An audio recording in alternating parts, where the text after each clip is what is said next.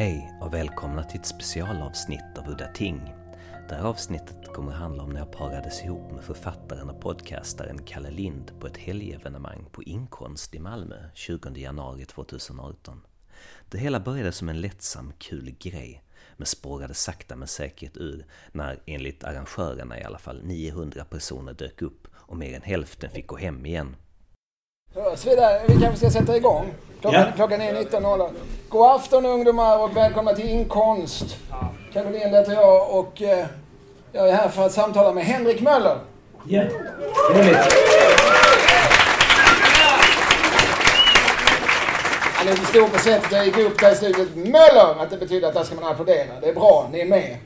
Eh, vi ska titta på ett gäng filmer. Vad är den sammanlagda budgeten för de här filmerna vi ska titta på? Det, jag vet inte, men det är väl vad pappret man ritar på kostar och färgpennorna kan bli. Färgpennorna blev dyrare och dyrare allt eftersom jag eh, fortsatte min karriär. köpte jag dyrare och dyrare eh, tuschpennor. Ja, Alltså det har gått från nollbudget till lågbudget. Ja, det kan man säga. Ja. Men det är, och det är en 20-årig resa. Så långt kom vi på de 20 åren. Ja, precis. Jag har egentligen varit jag film skitlänge, men det var först 96. Du, du vet ju själv hur det var med teknik och sånt. Så fick jag gå till något ungdomshus och låna utrustning 96. Ja. Så, att, eh, ja, så det kom väl sakta men säkert. Har du någon aning om hur många filmer du har gjort? Nej. Nej. Men vi säger- någon- vi säger är det någon 80, annan som 80 låter vet? bra. 80. Nej, de kanske räknar. Det, det, finns mycket på YouTube. De flesta finns på YouTube. Räknar man dem så. Nej! Wikipedia! Jag tror nästan allting finns på Wikipedia-sidan. Ja. Så man kan gå in på Wikipedia och kolla. Det är helt meningslöst att vi sitter här för ni har ju alla internet från början. Jag tittar, Alla alla, alla tar fram på- telefonerna nu ska kolla.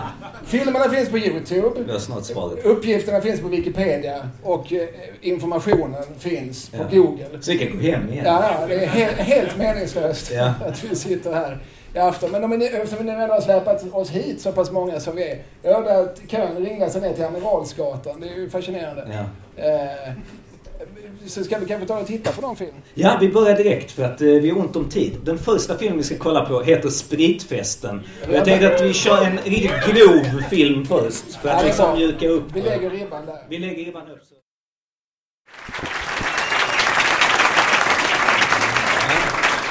Ja, Ja. en, en film med sensmoral. Men hur mycket är självupplevt? Ja, delar av det. Och vissa saker har man vridit upp Mm. gasen på. Men kände du Hitlerkuken på riktigt? Nej, det gjorde jag inte. Det är många som har frågat det. Det var många som trodde att det var Dan Park, att det skulle vara en satir på honom. Det- var det alltså inte. Kan jag dementera nu. Inte. Och jeansmycke, för det, det har funnits många jeansmycke genom åren, men det är tydligen inte samma jeansmycke vi pratar om, har jag förstått, när vi har haft diskussioner då om den här karaktären. Jag förstår, men namnet Jeans-Micke har du snappat upp ur, ur verkligheten? Ja, ja, det fanns en riktig jeansmycke, men eh, det var några andra som snackade om men jeansmycke. Ja, men det visade sig att det inte var samma person. Är Jeans-Micke du känner till, varför kallades han för Jeans-Micke? Ja, för han hade jeanskläder. Han hade jeans. slutade han med det, men sen var det slut på det. Nej, men det var något fel på han. Alltså det, han var, ha, du vet, I förorten var det ju rätt hårt. Jag är uppväxt med idag. Där var det rätt hårt liksom. Folk som var lite efterblivna kunde man ibland, kunde folk bli förbannade på liksom. Men, eh, men jag vet inte. Folk hade svårt att acceptera att han existerade. Men, men den här filmen, här ser man ju en del liksom, typiska Henrik Möller-komponenter. Framförallt då den här, hoppas jag, lätt förvridna bilden av Malmö. Ma- Malmö är väl oftast närvarande i ditt övre. Vi diskuterade det lite innan så sa att jag, när jag började film så var ju Malmö inte ett namn som dök upp ju, i filmerna, även om de utspelar sig i Malmö. Så en kompis från Stockholm och sa du, du ska göra film om Malmö. Att det kommer bli en grej, för det hade jag aldrig kommit på själv. Så det var inte min idé. Utan eh, det var Klas då, Video Direkt, som också kallar, och vi gjorde då Nobelvägen som första film tillsammans. Så att det var hans idé liksom att använda det. För han hade en besatthet Alltså tydligt stationera de här filmerna i, på en plats. Ja, men liksom som, som en genrebestämma filmer. Så kan det, det de där Malmö-filmerna, du vet. Mm. Men eh, vad jag tänkte var, när jag satt och kollade på den här filmen så dök en anekdot upp i mitt huvud som jag inte berättat för någon. Så jag tänkte om jag kunde få köra den lite snabbt. Det är första spritfesten jag var på i mitt, i mitt liv. Eh, 16 bast, jag var skitnöjd. Vi hade aldrig druckit sprit för. Så kom vi till festen, var på Augustenborg, rätt nära skolan. Så eh, öppnades dörren, mina polare hade tagit med dit. Jag visste inte vad det var för en fest. Så öppnade han dörren. Han var 12 bast, var aspackad. Eh, hans föräldrar var borta. Så inne i lägenheten var sån jävla misär. Det var madrasser på golvet, nästan inga möbler och sånt där. Så säger han till mig, när jag introducerar mig, jag känner Henrik så Ja, ja, så det är det är du med stämbanden. Eller det är du med CP-rösten. Och sånt sa han till mig. Så var schyssta polare introducerat mig bakom ryggen. Men så, jag vet, det var ju HB och apelsinjuice och hela den grejen ju. Så, eh, och, eh, så Men förlåt, jag måste trycka på paus. Vadå det Ja. med stämbanden? Folk brukar påpeka att jag har en speciell röst. Speciellt när jag... Ja, ja. Ibland när jag är lite, lite hes och sånt kan det låta som en trasig moped och sånt där. Okej. Så, ja. ja. Micke hade jeans, du hade röst. Ja, det är Herregud vilka originella människor. ja, det är inte klokt alltså. Eh, men, men, Det stora är det lilla. Sen, sen var det HB och apelsinjuice. Jo, men Mm.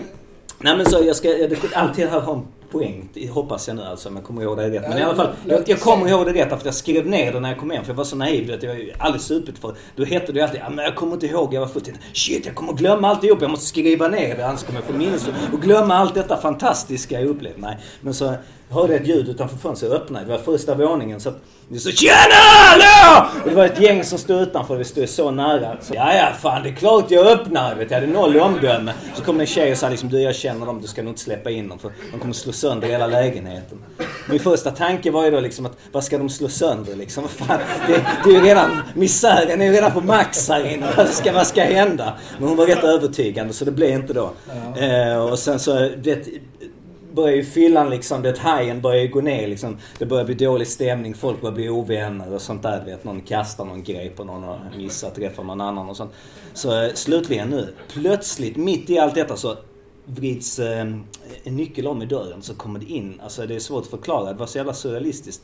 Alltså två medelålders vita människor i så här liksom eh, väldigt byråkratiskt klädda, en man och en kvinna så här. Hallå ungdomar, vad trevligt ni har det här. Jag tänkte shit vad är detta nu? Men de var, de var as. Det visade sig så att det var, det var den här lilla killens stödföräldrar som kom över då liksom. Eh, God knows liksom. Men då, och då, men då var de ena jävla svin liksom. För att de ringde polisen direkt. Du vet, så här, det var bara en falsk fasad liksom. De, de ville hålla kvar oss allihopa. De skulle, så jag fick spel och hoppa från balkan. Det var första gången som sprang hem. Så jag sprang på gänget där ute. Det är han! Det är djävulen! Det är han som inte släppte in oss! Så jag kubbade som en råtta hem och så skrev jag ner allt då för jag var rädd att jag skulle glömma det. Så att det är egentligen den festen jag minns bäst. Ja, just det. Men det var en bra historia. De har Ja. slipats lite med Ja men ja det har väl det. Alltså i, i min fantasi. Men det, det är ungefär så var det. Och det, så, nu kan man säga att det här är liksom, det fortsatte ju i denna andan ett tag. Men minns den sista spritfesten jag var på med den här killen, han som bjöd in mig då liksom. Att eh, vi var på eh, fest på Lindängen där det var liksom lite så här low, low budget gangsters liksom. Och väldigt Förlåt, får jag bara fråga nu. Den sista spritfesten du var på, det vet du? Att du, aldrig kom- ja, ja, du men- kommer aldrig mer gå på en spritfest? Nej men inte den typen av spritfest. Ah, det är som okej. misärspritfest. Jag dricker inte så mycket starksprit nu. Men den sista jag gick på, det minns jag också. Jag kan ta det som en snabb epilog. Ja. Det var att, eh, ja, det ska vara, jag ska vara kortfattad nu. Nej men så, eh, det, det var rätt tungt liksom. På ett deppigt sätt. Men då, min polare han, alltså det, det låter rätt så, rätt så häftigt men det var det mest tragiskt var att han bjöd upp då den här storbossens flickvän och dansade tryckare till en, eh, till en reggae-låt. och då kan man tänka sig att det kunde slutat rätt illa men de tyckte han var så patetisk så det är ingen som prylar honom. Och det slutade med att alla stod liksom så i en cirkel i rummet och bara flabbade åt honom. Och då tänkte jag fan, aldrig mer liksom. Fuck de här människorna, nu är det slut liksom. Och så, eh, så nu följer jag inte med på sådana spritfester längre. Nej. Det var den Men sista. Det här var 2017. Nej, jag kommer inte ihåg. Det var 90-talet. Ja. Men det, ja. Sen dess har jag bara gått och städade fester. Ja. Men, men det du var med om då, det inspirerar fortfarande till nya stordåd rent konstnärligt? Ja, Okej, det, det var nog inte den sista spritfesten. Mm. Vi, ska, vi, ska vi titta vidare? Ja, men vi gör det. Jag tänkte säga att den här filmen nu vi ska kolla på.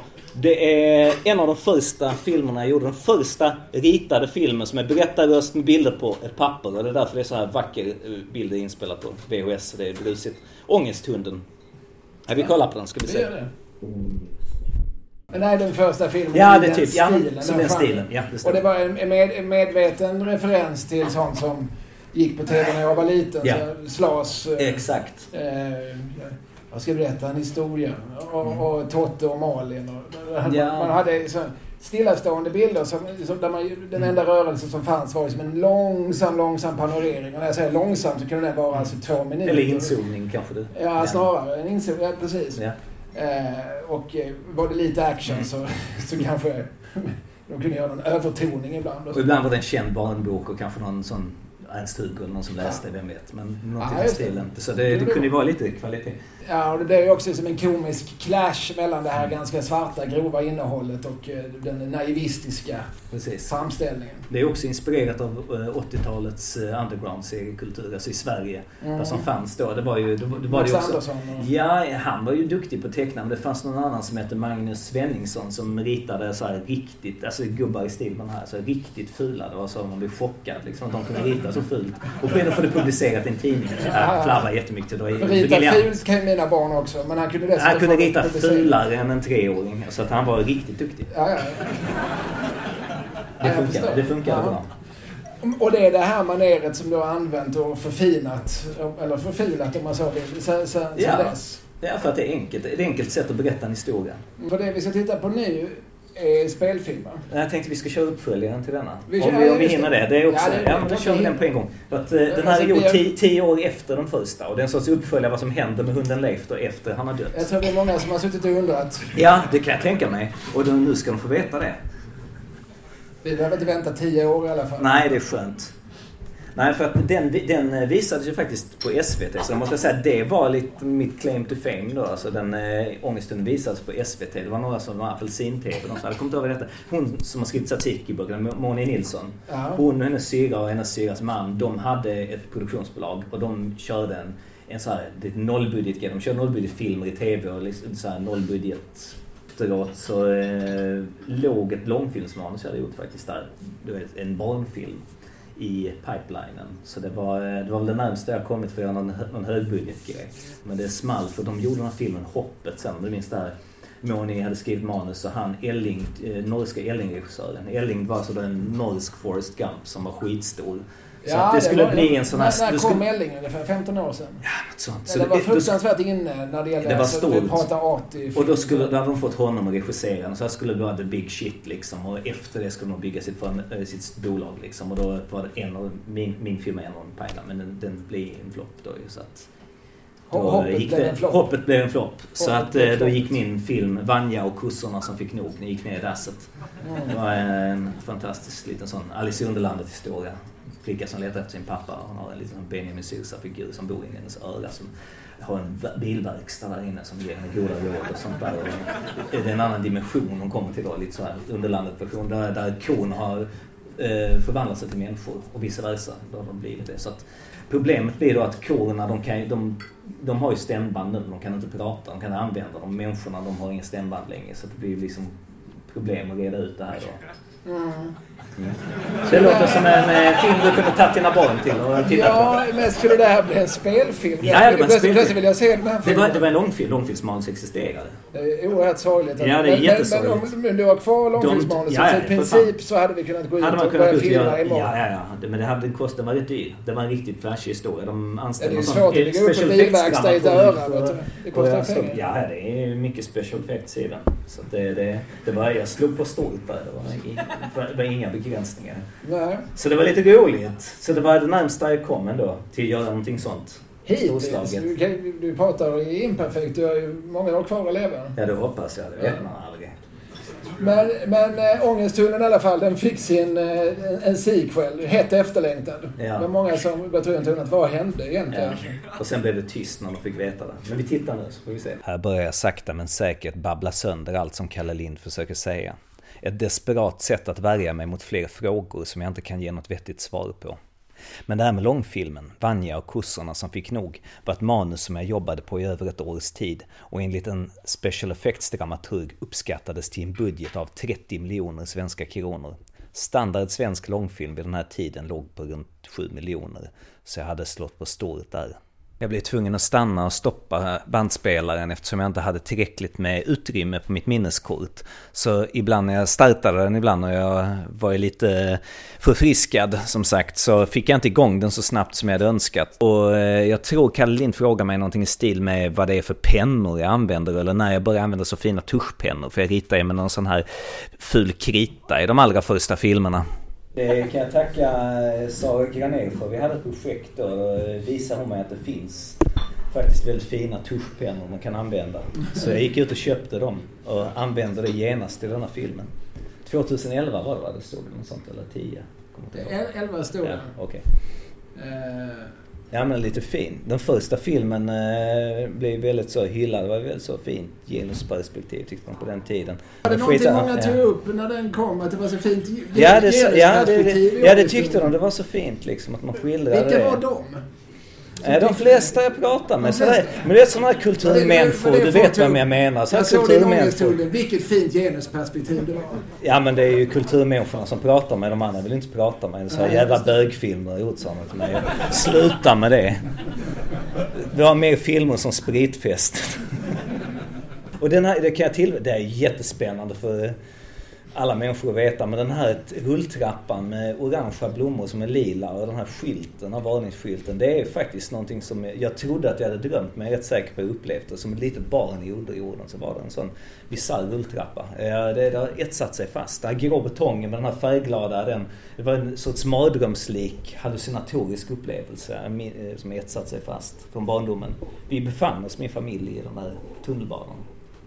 Låg den på Nydala? Eller? Nej, det var någonstans, någon annanstans. Jag vet Det inte fan vad det. Kan ha varit i utlandet till och med. Jag vet inte. Ja, men det känns som att du plockar mycket ur det omedvetna eller ur någon sorts... Alltså att du har liksom kontakt med, med, med den där delen av själen som vi andra kanske försöker liksom stänga till. Och när man själv försöker liksom ställa sig i kontakt med sin fantasi så kanske man liksom stryper. Ja, men det här vill jag inte offentliggöra. Jag vill inte att folk ska veta att jag har sånt här inom mig. Men har du gått i terapi? Nej. Nej.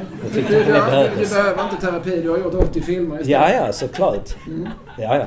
Tycker du att, eh, vad, skulle jag, vad skulle jag säga då om jag gick till terapi? Nej, det är ju mellan dig och terapeuten. Det har ju Men, inte jag med men, ja, men jag bara tänkte vad, om du har något tips? Nej, men det finns ju uppenbarligen en del att bearbeta. Ja, okej. Ja, okej. Bland annat kan du ta upp den här orangea rulltrappan du var i som barn. ja. Det är, en, det är en början. Där har du första sessionen. jag kan tänka En mig... bra psykoanalytiker kan hålla fast vid den drömmen i ett år. Ja, ja, jag har inte så mycket pengar. Jag känner att inte råd att unna mig det nöjet att gå och snacka skit och dricka kaffe med någon terapeut. nej, men fortsätt att göra film istället. Det tror jag, Jag tror det vi, vi alla är mer betjänta av. Faktiskt. Eh, vi sa att vi skulle titta på din spelfilm, men vi gör så att vi först tar eh, paus en liten stund. Så, eh, Kan folk köpa lite öl och stödja verksamheten här? Just det. Men om, eh, vad säger vi, om sju minuter så kör vi igång igen. Ja, det blir skitbra. Henrik Möller. Ska vi fortsätta? Ja, jag tycker det. Bara de kan sätta på eh, ljudet. Ska vi... Åh, oh, där hörs jag. Eh, har alla försett sig med, med dryckjom? Eh, om inte så skiter vi i er. Ni, och kör igång ändå. Ja, men vi hotade här med att vi skulle få se en av Henriks eh, spelfilmer. Och den... Eh, eh, ska vi säga någonting innan? Så det här, det här är en av de här Malmö-spelfilmerna då, som heter Malmös finaste. Så att eh, det är kanske en del som har sett den innan, andra som inte har sett den, så det är kul. Jag tror det mest för att det var den kortaste av dem. Jag inte ska ta Den kortaste av dina Den är 20 spelfilmer. 24 minuter lång, så att folk vet vad de har att förvänta sig. ja, ja, det är ju bra. Ja, här har jag också inte fått igång bandaren tillräckligt snabbt. Jag vet inte vad folk skrattar åt i det här klippet så att ni får gissa själva. Jag tänker att man kan, man kan dra lärdom av den och kanske själv fundera över sin egen roll i samhället. Nej, det kanske inte var så tänkvärd. Eh, man blir lite nyfiken på vissa saker. Alltså, hur hittar du dina skådespelare? De två, eh, han med kepsen och han som spelar gitarr då, det är mina barndomsvänner. Vi har känt varandra sedan typ första klass. Att, eh, väldigt, väldigt länge. Så Ja. att, eh, ja, och de gillar också att hålla på med kreativa grejer. Så att det är ett samarbete. Mm. Runt filmen tillsammans.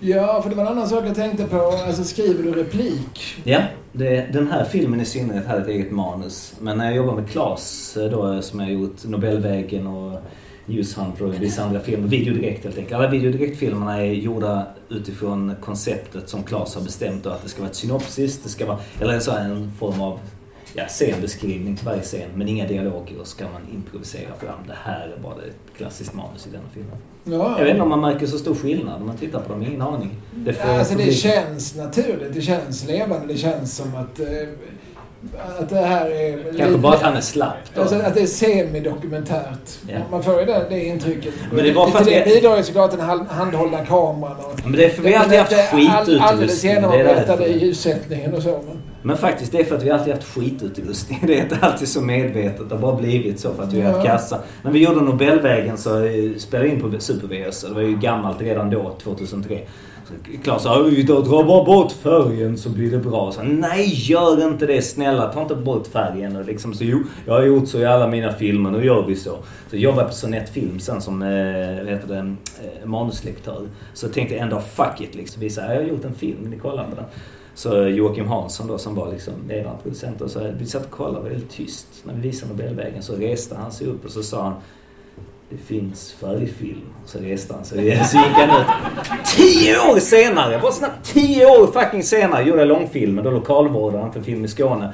Eh, fortfarande skitutrustning. Och så sa han, nu ska det fan bli färg. Det, det får inte bli. Men så till slut kom jag fram till, nej det, du filmar för dåligt. Alltså det här håller inte. Där. Nej, gör filmen en tjänst. Gör den svartvit. Gjorde den svartvit. De hade rätt faktiskt. Åker jag till Cannes, Cannesfestivalen, ska sälja den till distributörerna där. Och de bara så här, filmen är svartvit. Idiot. Åk hem till ditt land. Stick.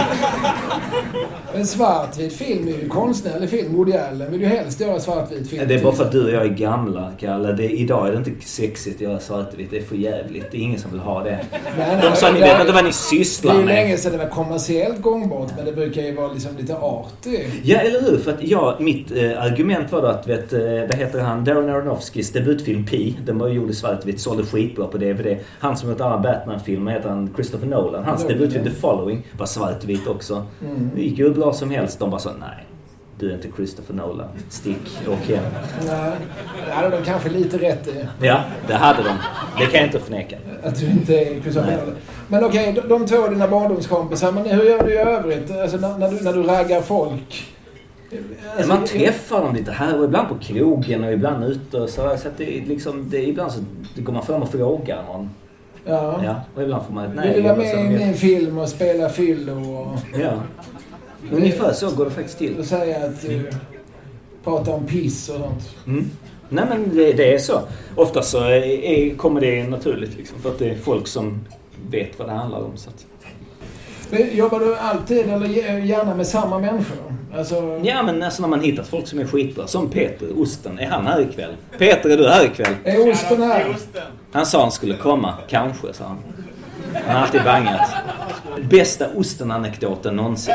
Det är att osten har en dubbelgångare. Ja. Alltså kan du fatta? Osten har en dubbelgångare som är ett, ja jag ska inte säga att han är ett as liksom. Han kan inte hantera spriten. Så att han eh, alltså, pissar ner sig och svinar på krogen. Och så, så har han fått post, osten portad från ett ställe. Det tyckte jag var hysteriskt roligt faktiskt. Ja, detta om osten. Ja. ja men Peter, han som är med och dansar liksom där med, med ballongen i filmen som vi nyss såg. Ja, jag, jag Ja, ja men han är ju med nästan alla. Jag är med han är med allihopa. Ja. Någon på ett litet hörn då. Men och det- kan man säga att det är din favoritaktör? Nej, en av dem. Han är fantastiskt bra. Men han är... Han, jag vill bara säga han är lite begränsad som skådespelare. Du, du utnyttjar inte hela hans register i just den här filmen. Inte i den här filmen. Nej, nej, men alltså för att här, här var han ju bara med liksom lite grann för att han kunde faktiskt inte. Han sa nej men jag ska på någon fest.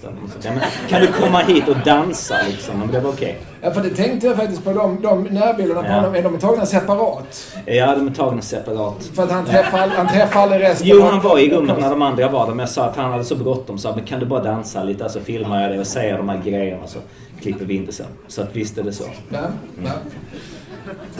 Det är så man jobbar om man har en liten budget. Så här jobbar ju inte Spielberg. Nej. Han har helt, han en helt annan... Han filmar tre olika slut sina filmer. Liksom. Så Ja. vi se vad det blir. Så ringer upp någon skådis. Du, du är bortklippt i den här versionen. Vi använder inte ditt slut. Så. Mycket så, mycket så, så jobbar inte du. Nej, så jobbar inte jag. Utan det, det blir betydligt mindre bortklippt. Å, å andra sidan så får han skådespelare då betalt. Ja, det är ju faktiskt sant. Det är ju en, Det är ju en ändå aspekt av fördel. det. De brukar få lite pizza och folköl. Det är det man brukar bjuda på chips och sånt ibland. Ja. Ska vi titta vidare? Ja, det kan vi göra. Nu har datorn dött här. Ja, Eh, ja, vi kan få sätta på det- den igen. Men titta här. Åh, oh, jävlar. Det fanns en film som hette Elin Labans mamma. Vill, ska vi visa den? Jag vet inte. Jag tycker vi ska titta på Elin Labans mamma. Det som var intressant var att en dag så ringde telefonen när jag var på jobb. Jag svarade. Jag brukar inte svara på jobb. Men så, eh, så var det Staffan Westerberg. Han såg ut vilse pannkakan. Jag känner till Staffan Westerberg. Ja. Jag förutsätter att publiken också gör det. Men, det är... ja, men så sa han då att ja, men jag har ringt alla Henrik Möller telefonkatalogen. Jag tycker din debut-DVD då, Kaninhoran, ett mästerverk. Skitbra. Och så ville han jobba. Och så skrev vi ett manus. Vi började skriva ett manus på sms till varandra. För det var det, på den tiden till och med jag hade en sån vet, pensionärsmobil. Vet man som liten. Man skickar, mm. ingen smartphone. Så, skick, så bollade vi fram och tillbaka där. Men det blev inget av det. Det tog för lång tid. En av de svåraste människor jag jobbat med någonsin. Kanske den svåraste tror jag. Ja. Så att eh, jag kände att det inte funka. Eh, även om jag hade velat. Så, så kan jag göra en eh, film på din eh, novell Älgen Labans mamma som är Staffan sagor. Så nu ska vi se min riktig, min enda riktiga genuina barnfilm. Så det blir lite konstigt att sitta och titta på en barnfilm men det får det bli. Musik av testbild.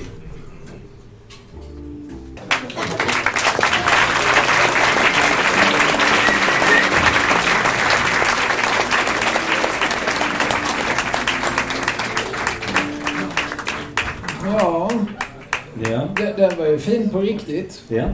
Det är inte jag som har skrivit nej, nej. Det är därför den är så fin. Jo, men jag tycker också men att du, du tolkar ju Staffan Westerbergs original utan att göra det utan att göra det lustigt. Alltså den är ju i Westerbergs anda på något vis. Det är genuint. Han var ju en stor fan. Alltså jag var en stor fan av honom så att säga. Ja men ni är varandras fans. Ja, det blev ju faktiskt så till slut. Det var ganska roligt. Eh, jag... ja, det var alltså så att han hade suttit hemma och kollat på Kaninhoran ja. och tänkt att det här, det, här, det här är det bästa som har gjorts sen Lillstrumpa och Syster Yster. Ja, det här... faktiskt exakt så. Alltså han, han sa att han hade väntat i, var det, i 30 år på en ny Staffan Westerberg. Och ja. detta var det shit. Så att jag var djupt smickrad men sen så började jag tänka fan han kanske bara vill knulla ändå för man har ju hört historien. Alltså, ja, det är bara det. Och det var inte riktigt bara så men han försökte ju liksom att fråga Eh, så jag ska komma till Stockholm. Ja du kan kinesa hos mig om du vill. Men det eh, avböjde jag.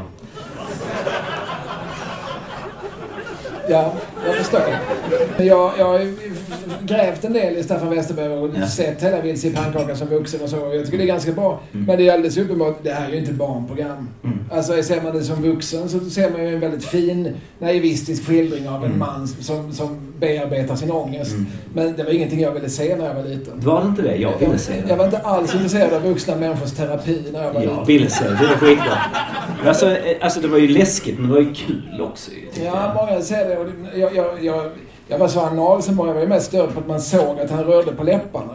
Oerhört, sabbar ju hela eh, illusionen. Jag ser ju att det inte är en näsduk Staffan, du rör ju på läpparna. Eh, satt jag och skrek till TVn. ja, jag tyckte den var fin. Elian Laban är ju med då i pannkakan också ju. Mm. De eh, bygger det där skeppet som har jättemånga hål i sig så att de korkar i men så saknas en kork. För de ska kunna segla iväg då på slutet, sista avsnittet, så stoppar Elian Laban sin mule i hålet så de kan åka iväg. Det tyckte jag var fint. Ja, Nej, men det Även då. Liksom, det är alltså. ju fint.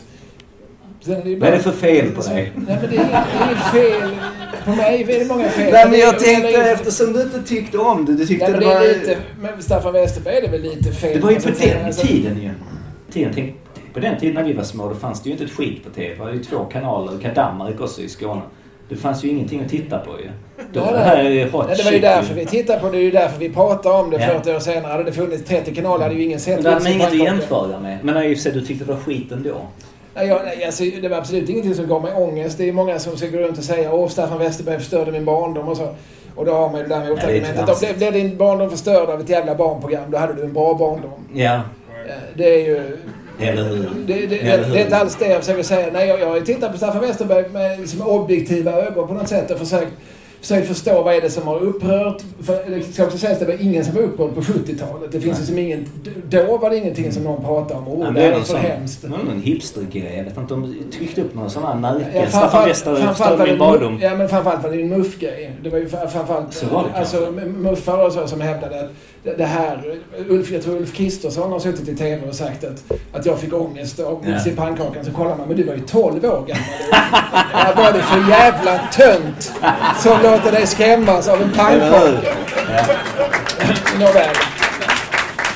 Detta om Staffan Westerberg. Ja. Eh, ska vi gå vidare i, Ja, vi. i, i ditt? Som har blivit en väldigt stor succé. Den som heter Benny Doffman från Teckomatorp. Ska vi då säga att det är en stor succé Ja, vi, vi hör ju. Vi hör ju. Vi måste se den här filmen nu. Ja, ja, jag så illa tvungen. Ja, ja, jag också. Ja, men då, har du inte sett den innan så får du se den nu.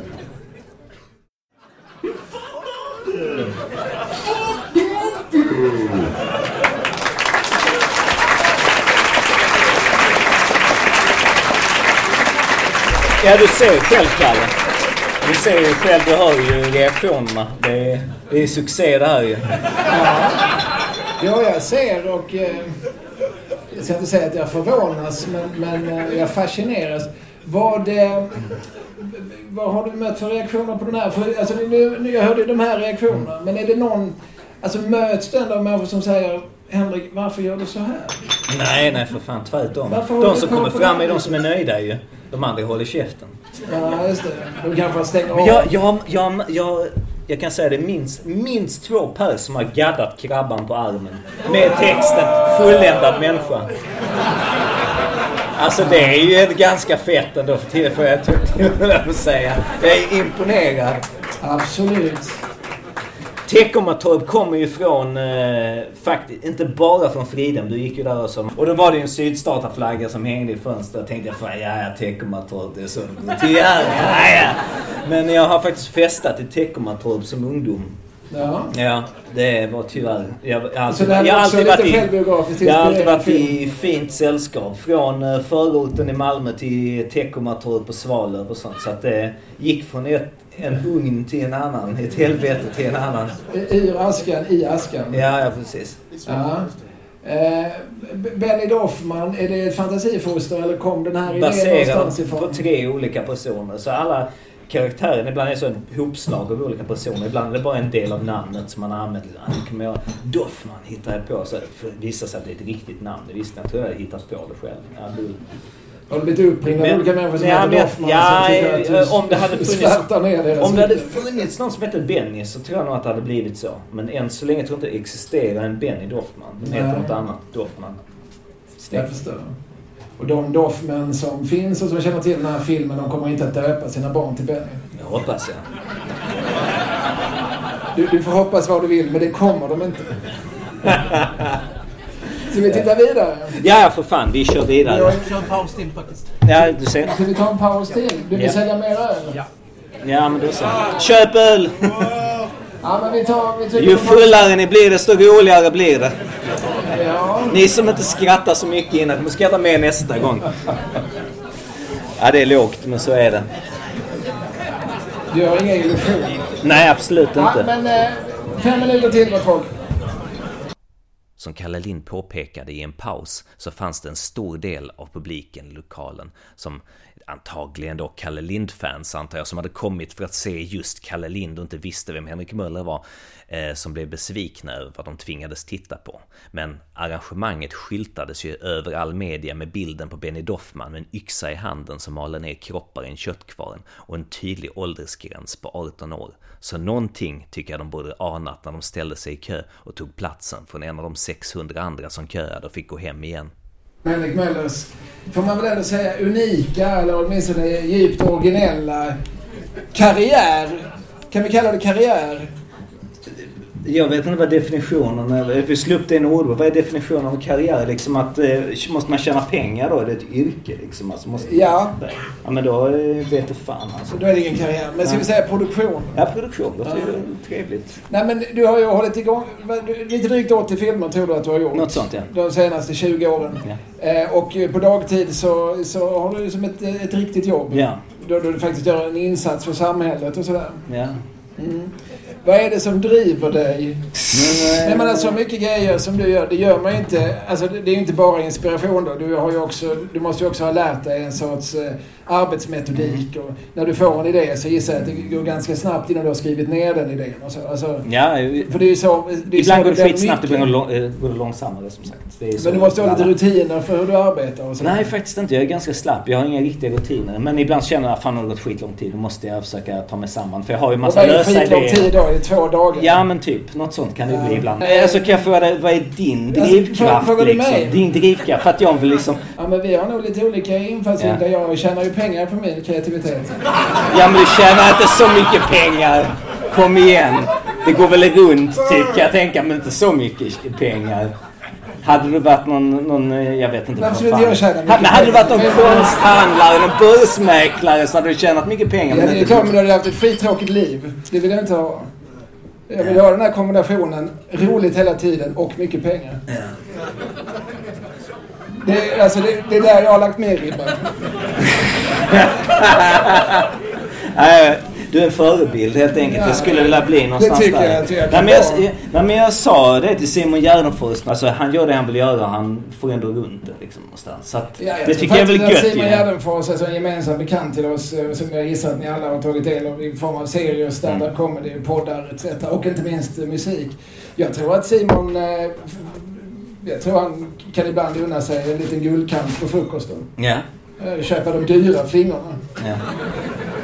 Nej, men jag kan ju säga så här, jag ser ju det som halva lönen. Att, att, jag faktiskt, faktiskt alltid tycker att, att åh vad kul, nu ska jag få börja jobba. Åh vad skönt att barnen har gått i skolan så jag kan få, Ja. så jag kan få göra det jag vill. Mm. Det, är ju, det, är ju, alltså, det är ju absolut en lön i sig. Att, att känna att men jag, jag blir konstant stimulerad i mitt arbete. Eh, men men, eh, ja. men att dessutom kunna försörja sig på det är för mig faktiskt en extra drivkraft. Mm. Vad skönt att inte behöva göra någonting annat. Jag tycker li- livet innehåller så många jobbiga saker ändå ska man dessutom behöva ha ett riktigt jobb. ja, men exakt. Men du Men du känner att du, eh, känner du att du bidrar till samhället? Du sa någonting till mig innan om det. Det var det jag brukade plocka upp med. Men jag betalar ju skatt! Jag betalar ju skatt. Det räcker ju det. Jag, jag, menar, jag menar, jag jobbar ju mot Sveriges Radio och sånt. Jag, jag redovisar ju mina pengar. Ja, det var inte så jag menar, men ändå. Du förstår vad jag menar? Att man gör liksom Jag en försökt få Sveriges Radio. Kan vi, kan vi ta det här lite under bordet? Nej, säger så. Nej, men jag håller med. Jag är avundsjuk på det. Det ska du veta. Så det är bara därför jag håller på att jävlas här. Sen vill jag säga att jag, tyck, jag tycker ju att du bidrar till samhället. Jag tycker ju alla människor som gör saker... Som, Ja, det är folk som är glada här ju. Det är alltid någonting ju. Nummer ett, bara här inne. Det räcker. Alltså, den här kvällen kan väl räcka. Varför har du hållit på så här i 20 år? Den här kvällen räckte som kvitto. Alltså, på riktigt. Fan vad gött om det hade Alltså, varit det är det så. Jag tror inte de, i, i i, i, de som bestämmer där uppe hade hållit med dig.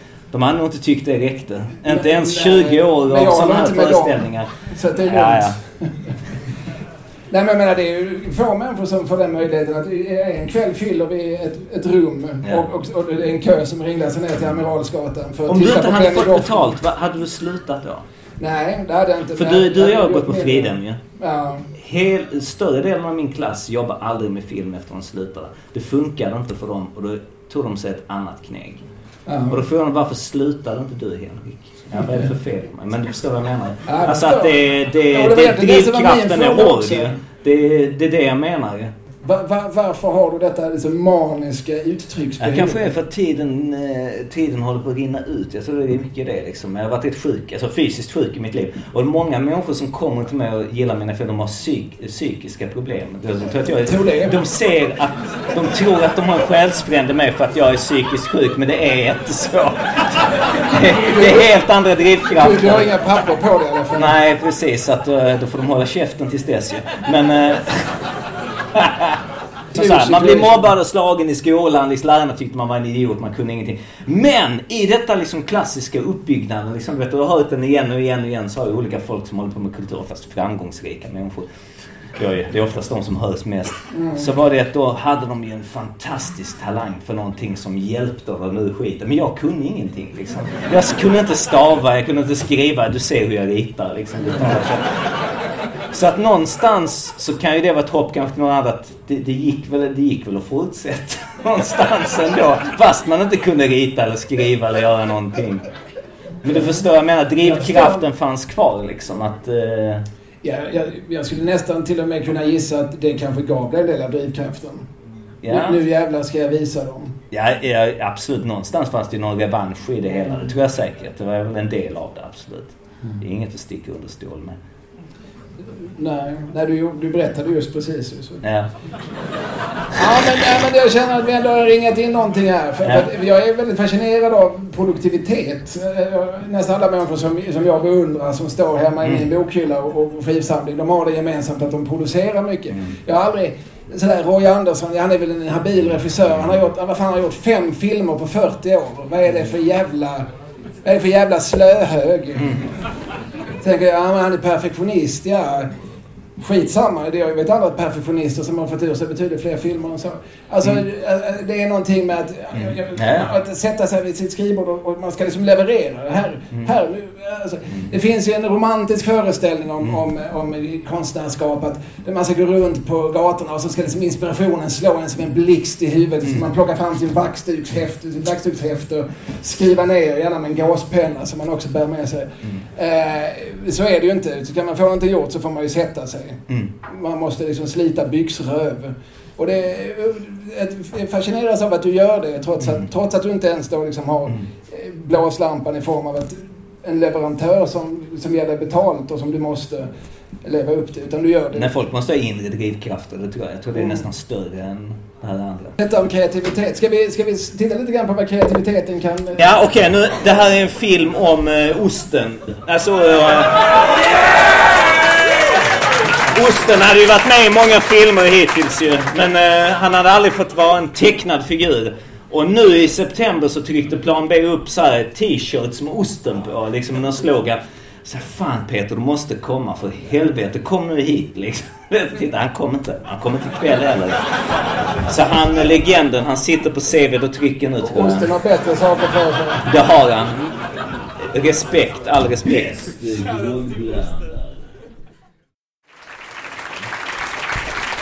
Ja. Ja. Det stod eh, annonserat i programmet att Malmös näst bästa groggblandare skulle stå i baren.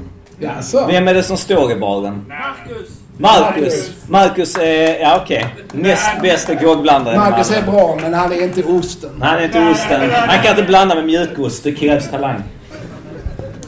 Du, jag tänker på det. Vi glömde att vi kanske skulle lagt in en sån här eh, triggervarning innan eh, föreställningen, kvällen började. Tänker du speciellt på den här filmen? Ja, men det kom... Allt, Ja. allt är inte politiskt korrekt i dina I, I den här filmen?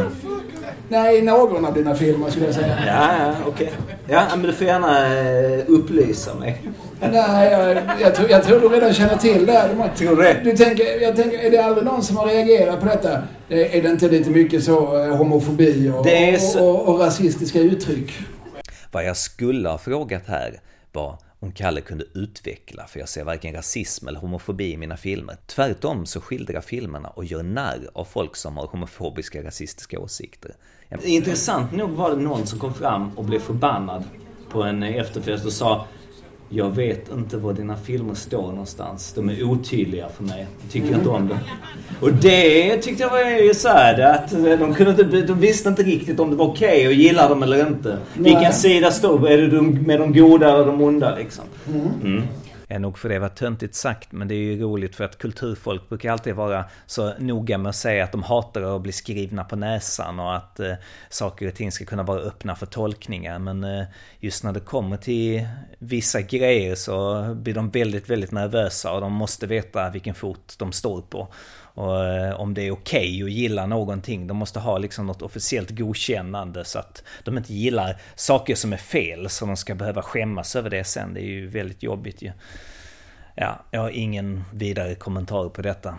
Ja, men jag förstår eh, vad de säger. Du förstår det, men det är bara för du som kulturman. Ja, men, men vi kulturmän, vi förstår saker. Vi kanske inte alltid håller med, men vi förstår själva attityden.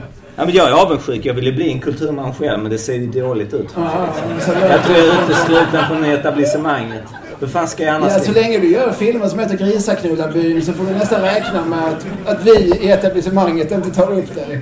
Det är sant, men du vet att jag vann PK-katten för Grisaknullarbyn. Det var ett sånt eh, punkpris där de tyckte att jag var politiskt korrekt. Så PK-katten hette priset. För just den filmen. Nu tänkte jag visa en angelägen film. Så kolla noga. Den här heter Internetporren och den handlar om internetporr. Så det här är ett väldigt angeläget ämne. Snälla titta.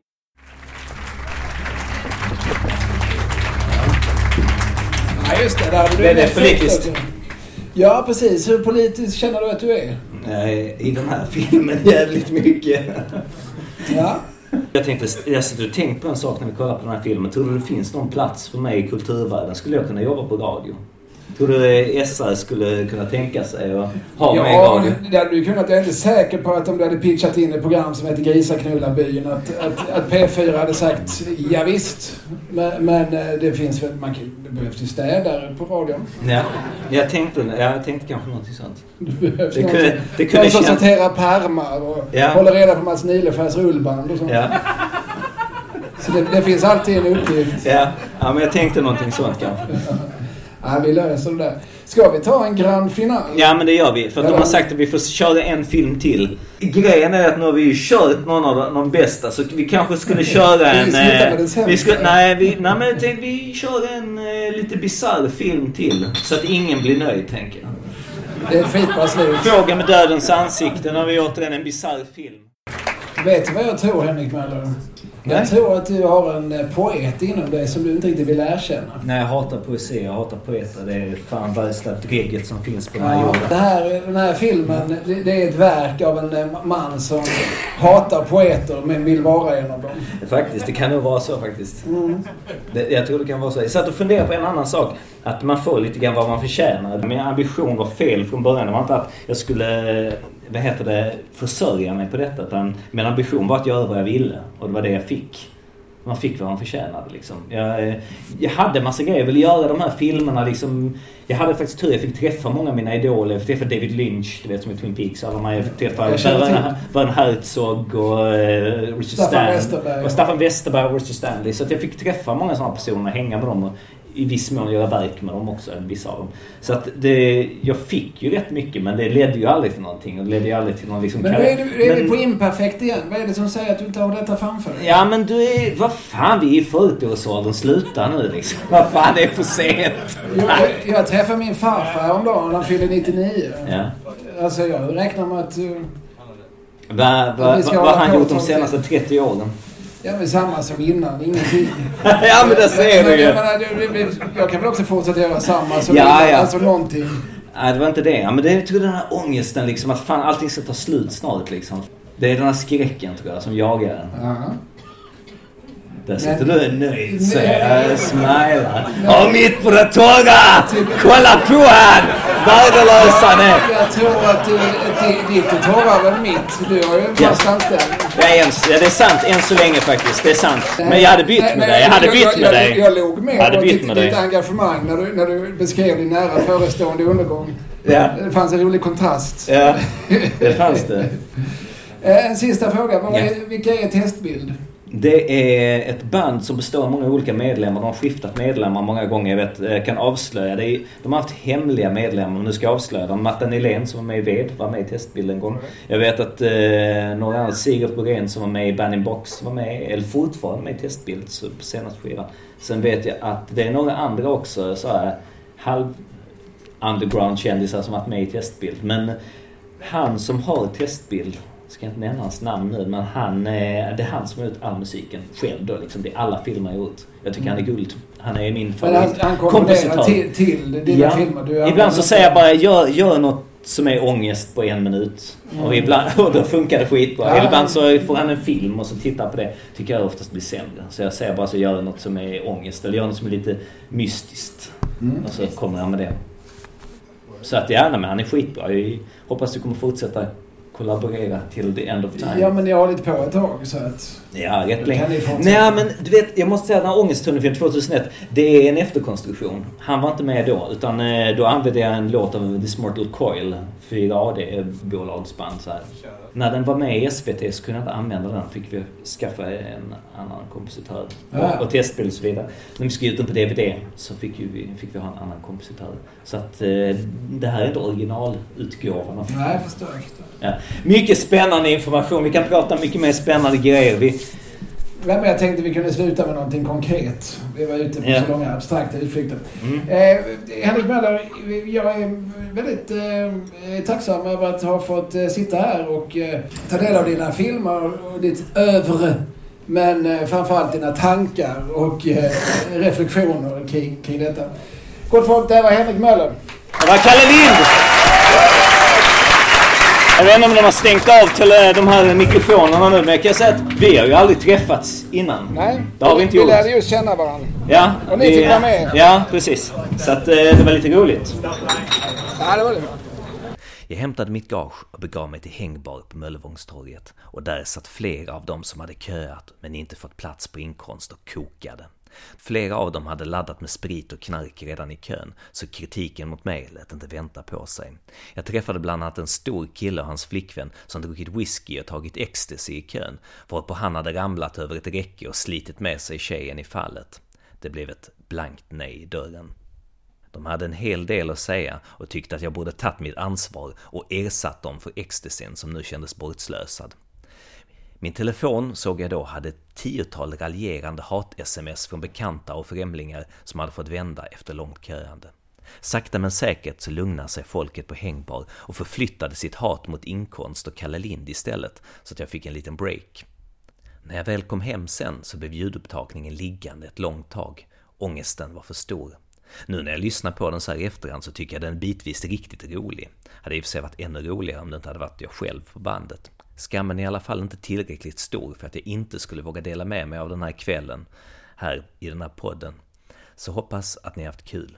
Det var allt för den här gången och nästa gång så kommer vanliga udda ting att vara tillbaka igen med sina teman av skräck, sci-fi och annan fantastik.